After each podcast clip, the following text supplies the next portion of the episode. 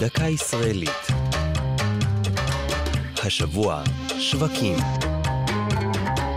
והפעם, שוק תלפיות. המבקר היום בשוק תלפיות בשכונת הדר הכרמל בחיפה ימצא מבנה מוזנח, שקשה להאמין שפעם היה מרכז מסחרי שוקק. אבל הבאים בשעריו לפני 70 שנה נאלצו להידחק בין המונים שהציפו את המבנה המרשים. ההחלטה להקים את השוק התגבשה אחרי מאורעות תרפ"ט, 1929, סדרת פרעות נגד היישוב היהודי בארץ ישראל, שמנעו מתושבי השכונה להגיע לשוקי העיר התחתית, שבה היה רוב ערבי.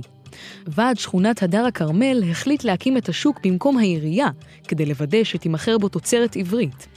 הוועד גייס הלוואות, ובתחרות שהוגשו לה 170 הצעות, נבחר האדריכל משה גרשטל. ב-1940 נחנך השוק במבנה מרשים בסגנון הבאו-האוס, שצורתו מלבן עם חצי עיגול בחזיתו.